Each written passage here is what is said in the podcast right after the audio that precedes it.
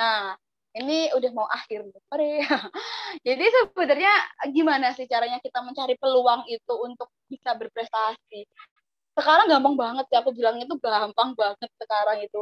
Uh, karena uh, kita nggak perlu effort yang lebih ya, kayak uh, harus menemui dosen atau guru, karena semua bisa komunikasi secara online.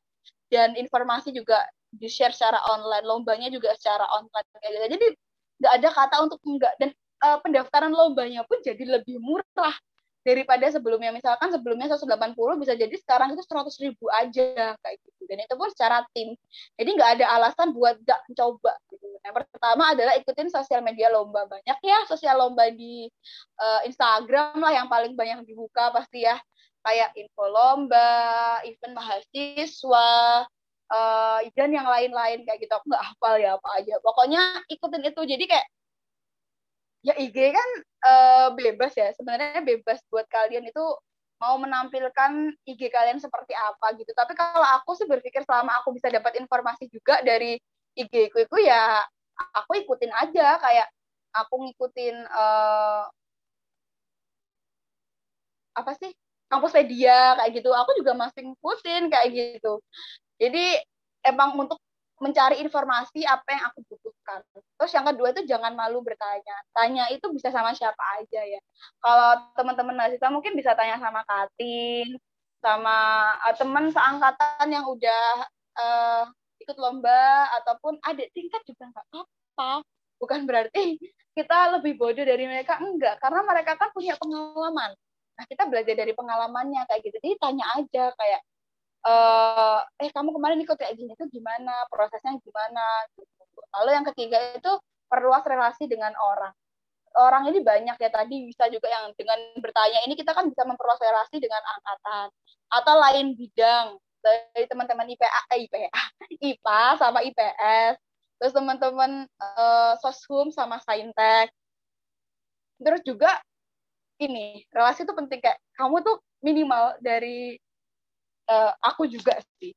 Itu harus punya temen dari luar negeri. Harus kenapa? Karena pola pikir di Indonesia dan di luar negeri itu beda banget gitu.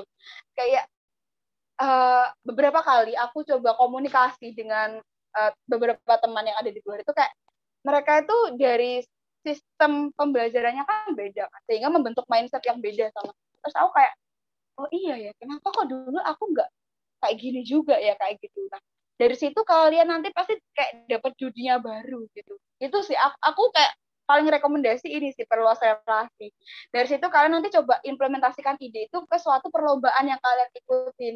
Nah kalian tuh dapat topik dari sini dari perluas relasi ini.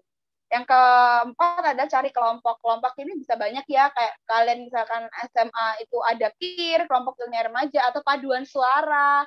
Itu kan sama bidangnya uh, senengnya itu sama.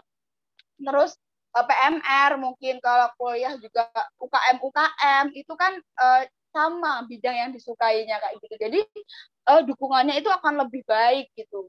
Yang kelima itu punya mentor. Nah ini mentor itu uh, terserah kalian sih sebenarnya. Kalau mentor ini adalah salah satu jalan supaya kita menjadi lebih paham. Satu langkah di depan teman-teman kalian mentor ini pasti nanti akan membantu kalian untuk prepare hal-hal yang harus dipersiapkan untuk lomba kayak gitu. Jadi kayak kalian mau olimpiade, ikut olimpiade di luar negeri, misalkan di Singapura gitu. Nah, terus punya mentor yang udah pernah olimpiade di Singapura. Nah, pasti beliau bakal bilang kan kayak prosesnya dulu gimana, dokumennya apa aja, seleksinya gimana, dinas uh, yang harus dipelajarin itu apa aja kayak gitu gitu. Kalau bagiku punya mentor itu penting ya karena uh, bisa dapat insight baru dari orang yang pernah menjalaninya kayak gitu. Lalu yang terakhir itu punya target. Target setiap orang beda-beda ya bukan berarti kalian di sini semua itu harus berprestasi yang aku bilang secara akademik. Boleh juga secara non akademik gitu kan kayak kalian senang nyanyi senang ngafal lagu ya udah kalian ikut lomba nyanyi. Kalian senang nari ya udah kalian nari. Kalian senang buat buku ya udah buat buku. Oh iya sekarang juga buat buku itu gampang banget dan biayanya murah.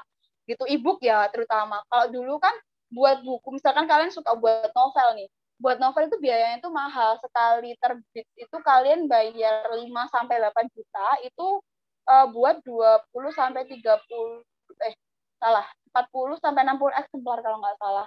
Itu aku dulu pernah tanya ya nah kalau sekarang tuh murah banget gitu. Nah itu kayak targetnya beda-beda gitu kan. Setiap orang dalam hidupannya kayak umur segini pengen apa segini pengen apa. Setidaknya kalian tahu dengan target itu kalian itu ada ini stresor dorongan buat jadi lebih baik. Kayak gitu. But bukan berarti hal itu harus dipikirkan. Kayak gitu. Tetap jalanin aja. Sampai uh, yang penting itu ada kemajuan. Lanjut